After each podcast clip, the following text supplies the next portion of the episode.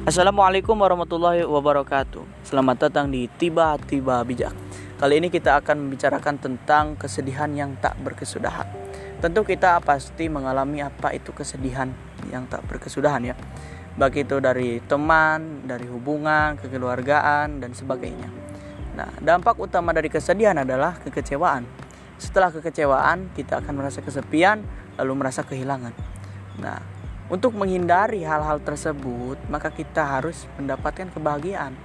Cara mendapatkan kebahagiaan adalah mendapatkan orang yang benar-benar menginginkan. Orang-orang yang benar-benar e, penuh dengan keseriusan.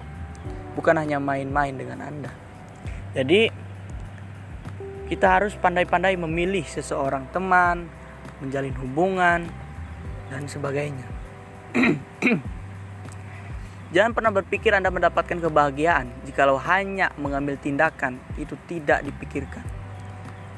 Nah, jadi ketika kita ingin mengambil tindakan maka harus dipikirkan agar tidak mengalami kesalahan.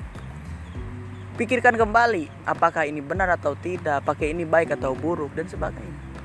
Kalau kita mengambil tindakan secara langsung spontan diucapkan, spontan dilakukan, maka itu akan terjadi kesalahan yang sangat fatal dan membagongkan.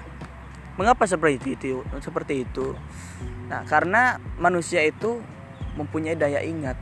Jadi semakin banyak, semakin sering kita melatih eh, apa yang kita lakukan, maka akan semakin hafal yang kita inginkan. Itu.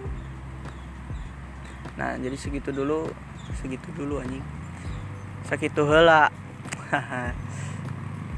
segitu helanya segitu dulu. Masih aing ngomong segitu dulu. Cukupkan. Ya, jangan lupa untuk mendengarkan kembali. Ada tangislah gitu. Assalamualaikum warahmatullahi wabarakatuh